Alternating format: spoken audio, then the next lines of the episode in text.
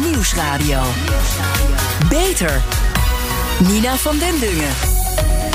Nog altijd wachten duizenden patiënten op zorg die niet tijdig geleverd kon worden vanwege de coronacrisis. Zorgt natuurlijk voor veel onzekerheid en vaak ook voor extra lijden. Ziekenhuizen die kampen nog altijd met grote drukte nu. En daarom moet er een plan komen om de wachtlijsten zo snel mogelijk weg te werken. Ik ga hierover praten met mijn gast Paulette Timmerman, directeur van branchevereniging Zelfstandige Klinieken Nederland. Welkom Paulette. Dankjewel, goedemiddag. Zelfstandige klinieken, hè? dat zijn niet de ziekenhuizen. Dit zijn eigenlijk de privéklinieken, toch, zoals we ze kennen?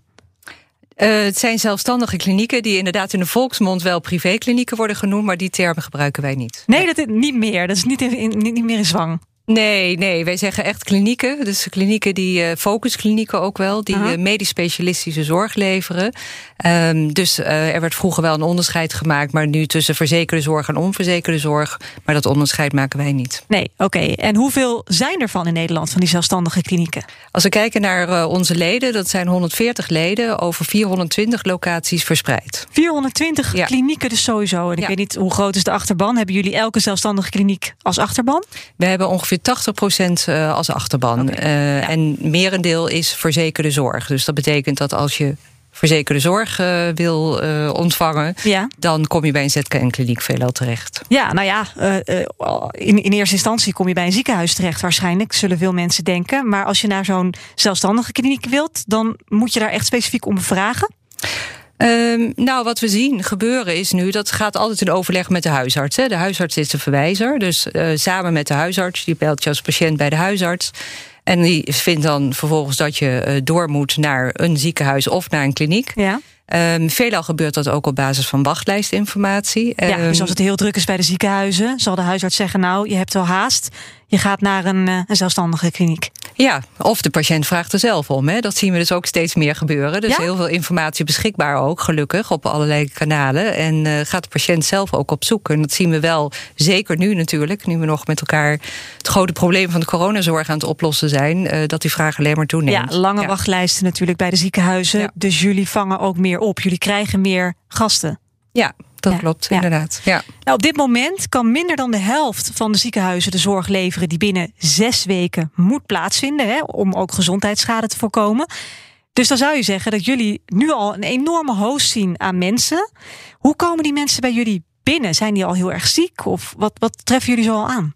Ja, misschien moet ik heel even terug nog naar vorig jaar, hè, toen het allemaal begon. uh, De coronacrisis, De ja. coronacrisis. En in feite uh, is die net een beetje uitgedoofd als we kijken naar de, de zorgvraag. Hoewel Hopelijk. we ons natuurlijk inderdaad wel zorgen maken over wat gebeurt er na de zomer.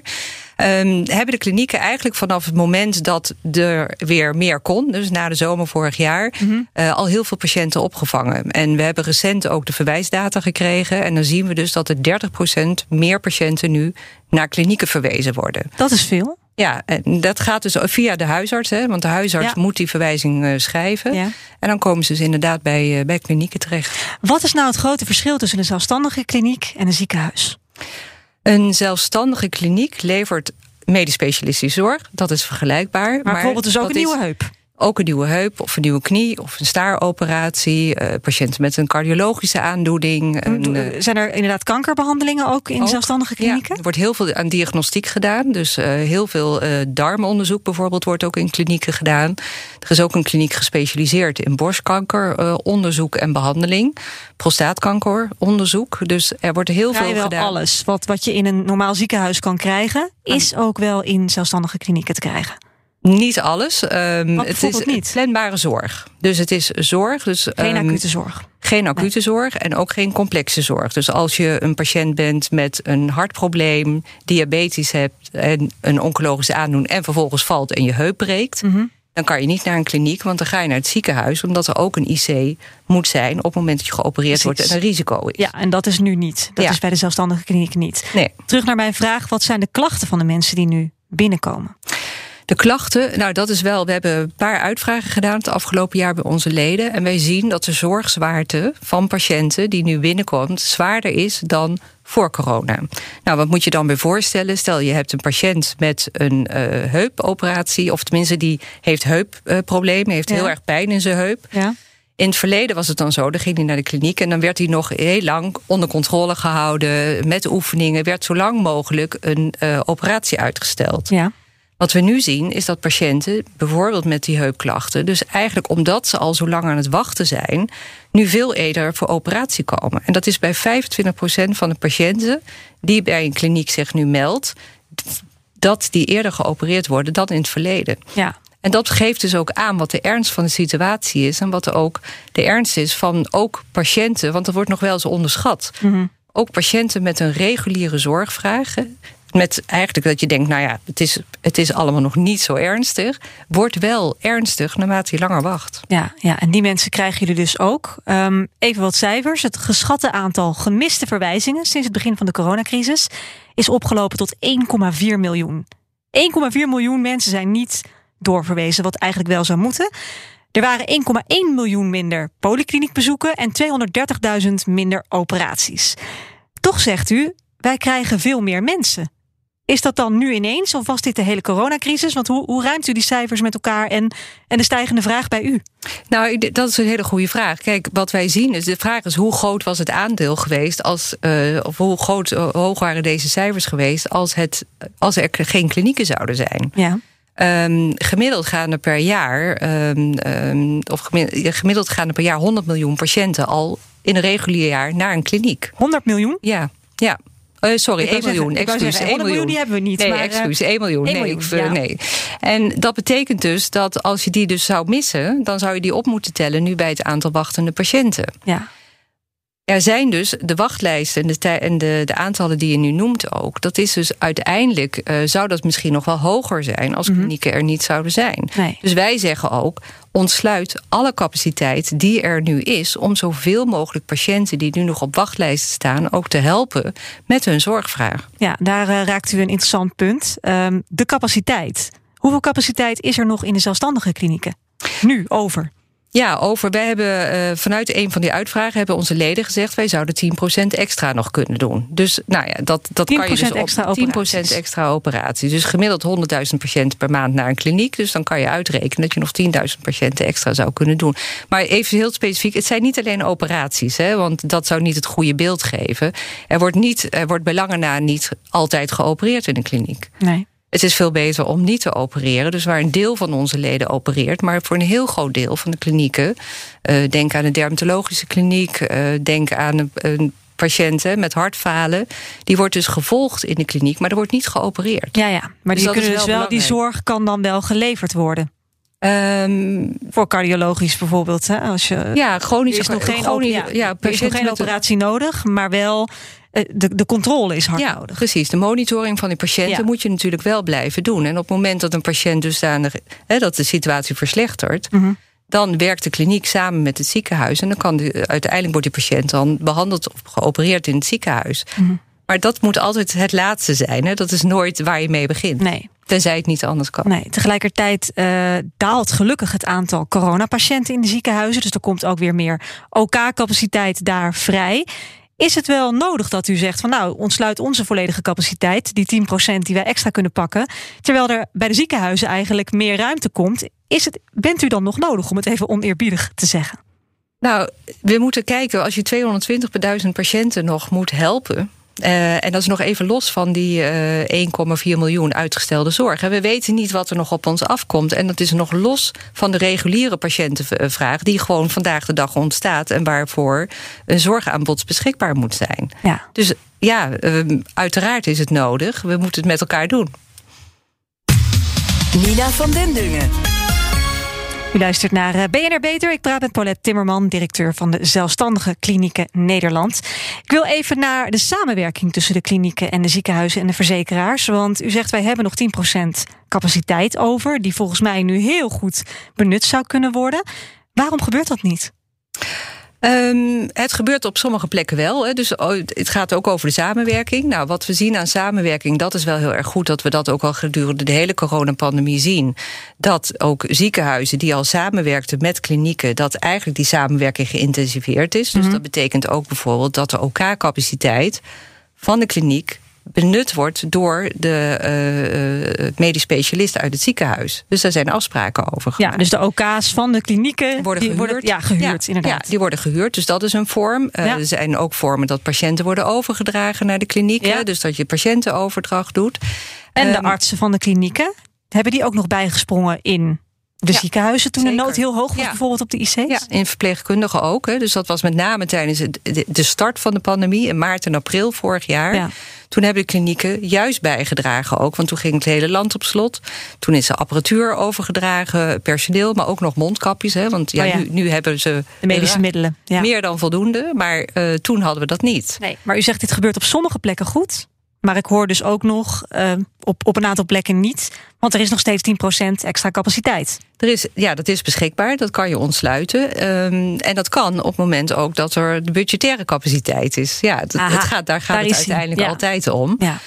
Um, en dat is ook waar wij veel overleg over voeren. Ook met zorgverzekeraars Nederland en met de zorgverzekeraars. Van hoe kunnen we nou die capaciteit ook maximaal ontsluiten? Ja, want een zelfstandige kliniek, eerlijk is eerlijk, het is duurder dan in een ziekenhuis liggen. Dat is zeker niet waar. Nee? Nee. Nee, nee, nee, dat is misschien. Ik, nou, ik, ik zou bijna een wedervraag willen stellen, ja. maar goed. Waarom, waarom denk waarom je dat? Denk je ja, dat? Ja, ja, ja, Nou ja, dat is inderdaad wat leeft, want je krijgt daar privékliniek. Er is, wat ik dan weet, hè, er is meer zorg voor je. Het is een kleinere uh, afdeling. Um, misschien mag je wel langer liggen. Is er gewoon wat meer tijd voor je? Um, dus dat moet, dat moet meer kosten. Nee, is twee in mijn nee, hoofd. Nee, want als je kijkt naar een, een kliniek, dat is een kleinschalige organisatie waar de zorg dus heel efficiënt wordt georganiseerd. Mm -hmm.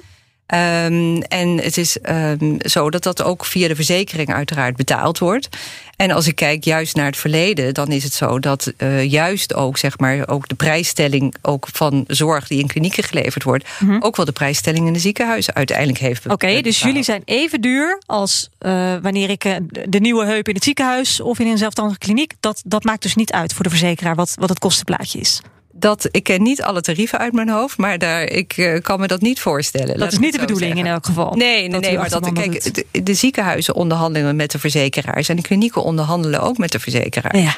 En dat gaat op dus precies dezelfde wijze. Het gaat natuurlijk over andere volumia. Het gaat over het ziekenhuis contracteer je het hele ziekenhuis, alle ja. typen zorg. In een kliniek uh, contracteer je uitsluitend de orthopedische zorg. Ja. Maar de, de absoluut uh, prijs is daar absoluut geen punt. En wat is het budgettaire probleem dan? Um, het budgettaire probleem is, uh, zou kunnen zijn hè, dat er uiteindelijk ook. Um, uh, we zitten met elkaar in een macrokader, hè, budgetair macrokader zorg. En daar mm -hmm. willen we graag binnen blijven. Ja, er zijn dus gewoon het, het, het budget wat is vastgesteld dit jaar door de zorgverzekeraars. Dat moet Samen gewoon, met alle partijen. Dat, dat hebben we gezamenlijk gewoon, gedaan. Ja, uh, ja. Dus daar hebben, zij, hebben wij ook onze handtekening onder gezet. Dat is weliswaar drie jaar geleden gebeurd. Hè. Dus toen wisten we nog helemaal niet dat corona op ons af nee, zou komen. Precies. Er is dus een budget. Maar in principe zou dat nu niet leidend moeten zijn in de oplossing die we aan het zoeken zijn. We hebben, het ministerie heeft ook gezegd van nou, het budgetair kader zorg mag geen belemmering zijn voor de inhaalzorg. Dus daar zou geen belemmering nee, mogen maar zijn. Maar is er wel. Nou, het is in die zin een belemmering. Kan het zijn dat de verzekeraars natuurlijk keuzes moeten maken. Aan de ene kant zeggen ze, nou, we willen de continuïteit van die ziekenhuizen borgen. Mhm. Mm -hmm. En daarvoor zijn financiële middelen nodig. En tegelijkertijd zit de patiënt op een andere plek. Dus dat is, dat is wel een mogelijk knelpunt. Ja, is en wij dat ook... zeggen, zorg ervoor dat dat geen knelpunt is. En uiteindelijk, uh, er gaat 25 miljard uh, om in de medisch specialistische zorg. Mm -hmm. Stel, je doet 15% meer bij klinieken, is dat 150 miljoen. Dus... Ja, maar dat betekent dus dat de ziekenhuizen patiënten af moeten staan aan u. Want het, het, geld gaat dan mee met de patiënt naar de zelfstandige kliniek. Dus het ja, ziekenhuis maar dat is niet de beweging die de ziekenhuis zou moeten maken. Dat is de verzekeraar is uiteindelijk verantwoordelijk voor de inkoop van zorg. Dus die zou ja. daar de regisseur, regisseur in moeten zijn. Ja, ja, en maar... dat, is, dat is de vraag ook die wij hebben: van uh, organiseer dat. Um, en ja, gezien. Dus eigenlijk een groter budget voor de zelfstandige klinieken. Dat is nu nodig, zegt u, om onze maximale capaciteit te ontsluiten. Ja, want de zorgcapaciteit is er. Maar zorg ook dat de financiële capaciteit er is. Wat uh, is uw uh, kostenberekening geweest? Wat, wat heeft u van een briefje geschreven naar de verzekeraars? Nou, wat ik net zei, als je nagaat dat wij. Ja, getallen? Getallen. Nou, als wij 150 miljoen extra naar de klinieken zouden, hè, om en nabij. Dat is een beetje een schatting op ja. basis van het gemiddeld budget wat er totaal naar klinieken gaat. Mm -hmm. uh, 1 miljard per jaar. Nou, neem daar het percentage van. Dan kom je op dat bedrag uit. En dan kun je met elkaar gewoon heel veel meer zorg doen. Ja, um, u zegt ook de samenwerking, die wordt eigenlijk wel hechter. Hebben we gezien in de coronacrisis. Is dat iets wat inderdaad een beetje door zo'n coronacrisis ontstaat en wat nu doorgang kan vinden? Of is er altijd van oudsher een beetje concurrentie tussen de klinieken en de ziekenhuizen? Um, nou, we hebben gisteren hebben wij uh, onze inzet uh, gestuurd naar de formateur. Uh, hoe wij aankijken tegen het medisch specialistisch zorglandschap. Mm -hmm. En dat gaat over dit punt. Hoe moet je nou die zorg organiseren? Nou, wij zeggen, als je kijkt naar de planbare zorg, hè, dat is onze tak van sport, daar gelden andere organisatievormen voor. Hè. Dat kan je heel efficiënt organiseren, kleinschalig, kliniekgewijs noemen we dat. Vraagt om iets heel anders dan de acute zorg. En nu is het zo dat alles gebudgeteerd wordt. Hè. Je hebt één MSZ-budget, dus alles wordt gebudgeteerd. Terwijl ja. wij zeggen, kijk naar die verschillende zorgvormen. En kijk ook, ook welke organisatievorm past daar nou het beste bij. Zodat die patiënt ook de juiste zorg op de juiste plek kan ontvangen. En zo snel mogelijk. En zo snel mogelijk. Want daar uiteraard. zit nu misschien wel de, de grootste crux, hè? het grootste knelpunt van de afgelopen tijd. Ja, er zijn wachttijden. Er zijn patiënten die echt maanden aan het wachten zijn. En dat, is, dat wil niemand. Hè. Laten we nee. voorop zetten. Dat, dat, dat is niemand die daar zijn handtekening voor heeft gezet. Dat nee. heeft ook niemand gewenst. Maar we kunnen er wel van leren naar de toekomst toe hoe we dat zouden moeten organiseren. Ja, en zijn gewoon artsen van de ziekenhuizen die een patiënt misschien al langer onder hun hoede hebben, hè, in een wat langer lopend proces, zijn die bereid om, om dan hun patiënt uit handen te geven aan de kliniek? En is de patiënt daartoe bereid? Ook een punt natuurlijk. Ja, nou, de patiënt heeft uiteindelijk altijd de belangrijkste stem hier. Mm -hmm. Dus als een patiënt zegt: Ik wacht liever, want ik wil graag bij deze behandelaar blijven, dan moet dat altijd gerespecteerd worden. Als een patiënt zegt: Ik wil graag snel geholpen worden en ik heb gezien dat ik ergens anders snel terecht kan, mm -hmm. dan moet dat ook gehonoreerd worden. Dus dat is juist ook hè, de juiste zorg op de juiste plek vanuit het patiëntperspectief geredeneerd. Ja, dat is natuurlijk heel mooi theoretisch geformuleerd, maar de praktijk is natuurlijk ook wel gewoon weer barstiger. Waarin je ook artsen hebt die gewoon zeggen: ja, ik, ik wil die patiënt niet afstaan dit is gewoon met deze man of vrouw werk ik al heel lang. En dan, dan maar even wat langer wachten. In mijn optiek kan dat, want hè, het is niet acuut. Daar heeft u natuurlijk mee te maken. Wat zegt nou, u daar heeft de patiënt mee te maken. Ja, maar ja, de patiënt ja. moet. Kijk, wij, wij zijn voor eerlijke en uh, gewoon goede informatie ja, naar U wilt patiënt. ook die maximale capaciteit natuurlijk gewoon benutten om te zorgen dat die wachtlijsten dalen. Tuurlijk, tuurlijk. En daarom heb je, is het heel erg belangrijk dat die wachttijdinformatie er is. Die is nu openbaar. Hè, dus dat is voor iedere patiënt kan via zorgkaart nu zien uh, uh, waar de, hoe lang de wachttijden zijn. En die komt al dus alweer beter geïnformeerd bij zijn huisarts terecht. En die kan dus zelf al actief vragen van... goh, ik heb gezien dat in ziekenhuis X of in kliniek Y... de wachttijden veel korter zijn. Ik wil graag daar naartoe. Ja. En patiënten zijn bereid ook om te reizen. Ja. We hebben patiënten die gewoon vanuit Groningen naar Maastricht gaan... Uh, uh, vanuit Groningen naar het midden van het land... Ook al voor corona. Dat heeft helemaal ja. niets met corona te maken. Als je op zoek bent naar specialistische zorg en je wil gewoon hè, de beste zorg, dan ga je daarvoor op pad. Ja. Wordt toch wel eens onderschat, hè? De patiëntenemancipatie.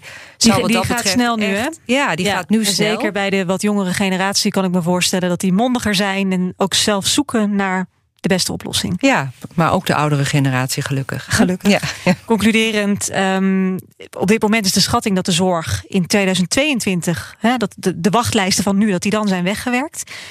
Dat Denkt is de u, wens. Hè? Dat is, dat is de wens en, en, en, en de schatting. Denkt u dat dat, dat, dat, dat gaat lukken? Nou, ik, ik, dat hangt mede af van wat er in het najaar en de, en de winterperiode gaat gebeuren. En met corona, met, corona. met Kijk, uw budgettaire plaatje, of dat Ja. gehonoreerd wordt. Ja, nou ja, ik denk dat het een opstelsom is van, van feiten. Maar ehm eh, laten we er wel naar streven met elkaar. Want ervan uitgaan dat het niet lukt, is nooit de beste weg. Veel dank voor uw komst. Paulette Timmerman, directeur van branchevereniging De Zelfstandige Klinieken Nederland. Zorgvernieuwers. Ja, iets heel anders. Steeds meer werknemers in de zorg die kiezen ervoor juist om zelfstandig te zijn, gewoon ZZP'er. Maar de match tussen vraag en aanbod, die kan veel beter. Dat vindt althans Jasper van Schaik, die daarom een nieuw online platform opricht met de naam Holland Zorgpartner. Ik heb hem aan de telefoon. Jasper, welkom. Goedenavond. Jullie beginnen met uh, de ZZP-verpleegkundigen. Die mogen zich als eerste melden op jullie platform wat binnenkort online gaat. Zij kunnen dan een profiel aanmaken en dan uh, worden zij gematcht met werkgevers. Hè.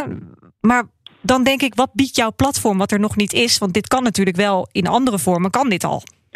Ja, dat komt, maar we bieden eigenlijk ook veel meer dan alleen een platform waar ZZP'ers zich uh, kunnen registreren. We, we bieden een uh, centraal en beveiligd communicatieplatform voor uh, niet alleen gecertificeerde zorgprofessionals, maar ook zorginstituten en hun personeel.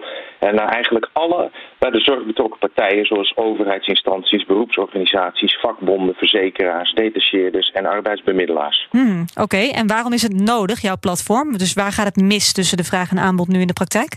Nou kijk, als je erover nadenkt in de gezondheidszorg is alle communicatie gecentreerd rond bedrijfsprocessen.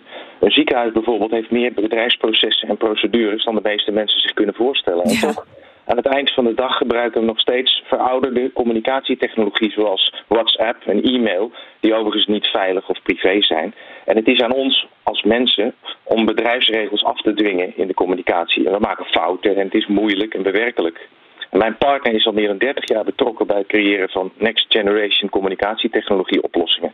Hij introduceerde als een van de eerste unified messaging platforms. Gaat het nog over de zorg? Ja, hij, won, hij, hij, hij, werkt samen met zorgverleners om een nieuw soort communicatieplatform te creëren. En we noemen het ja, ja. procesgebaseerde communicatie. Ja, dus dit betekent dat dus mensen een profiel aan kunnen maken. Uh, in een beveiligde omgeving. En daarin dat er een, dus een, een hè, dat je een match kunt doen. Ik neem aan dat het niet met swipen naar links of rechts is bij de nou, werkgever en werknemer. Dat iedereen die op het platform zit, uh, uh, geverifieerd is als erkend en gecertificeerde zorgprofessional of zorginstelling. Ja. En dat iedereen direct vindbaar is via ons platform. En dat je weet met wie je praat. En wat zijn of haar competenties zijn en kwalificaties. En vervolgens uh, bieden wij uh, hele efficiënte communicatieoplossingen. Die veel, veel verder gaan dan e-mail of WhatsApp. En we werken aan een veelheid van functies die we nog moeten vormgeven. Mm. En die we gefaseerd zullen uitrollen. Maar we denken dat het een paradigm shift in de communicatietechnologie voor de zorg in Nederland ja, in met, Europa met als, zijn. ja, met als doel om dus die ZZP'er en die werkgever zo op zo'n efficiënte, uh, makkelijke manier samen te brengen. Concludeer ik dat samen juist? te laten werken. Ja, uh, samen op een te laten hele werken efficiënte ook. manier. Ja. En heel veel uh, communicatie te automatiseren. Ja. En ja, we denken dat de beste technologie eenvoudig te gebruiken moet zijn. Dat wil zeggen dat je niet hoeft na te denken over het systeem dat je gebruikt. En dat de applicatie automatiseert uh, de communicatieprocessen. En het past zich aan je behoeften aan. Het zit Ja, niet in de weg. Het is gemakkelijk te leren en te gebruiken. En we geloven dat ons systeem de gezondheidszorg een aanzienlijke verbetering in de efficiëntie en de privacy en het Kan vertrouwen je dat nog in, in één kort voorbeeld concreet maken? Wat krijg ik dan als ZZP'er verpleegkundige als ik, als ik lid word van jouw platform? Ja, een voorbeeld uh, uit de praktijk van vandaag is uh, een instelling in Amsterdam heeft dringend personeel nodig en verzoekt om een aantal kandidaten aan te leveren. En je levert er tien en je krijgt een out-of-office reply terug. Ik ben op vakantie. -hmm. voor dringende zaken bel ja, en dan? die of die. En dan bel diegene en die heeft niet uh, toegang tot het uh, mail van degene die op vakantie is. Ja. En vervolgens moet je opnieuw En bij beginnen.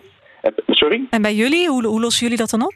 Eh, de, de, de, de, de instelling kan...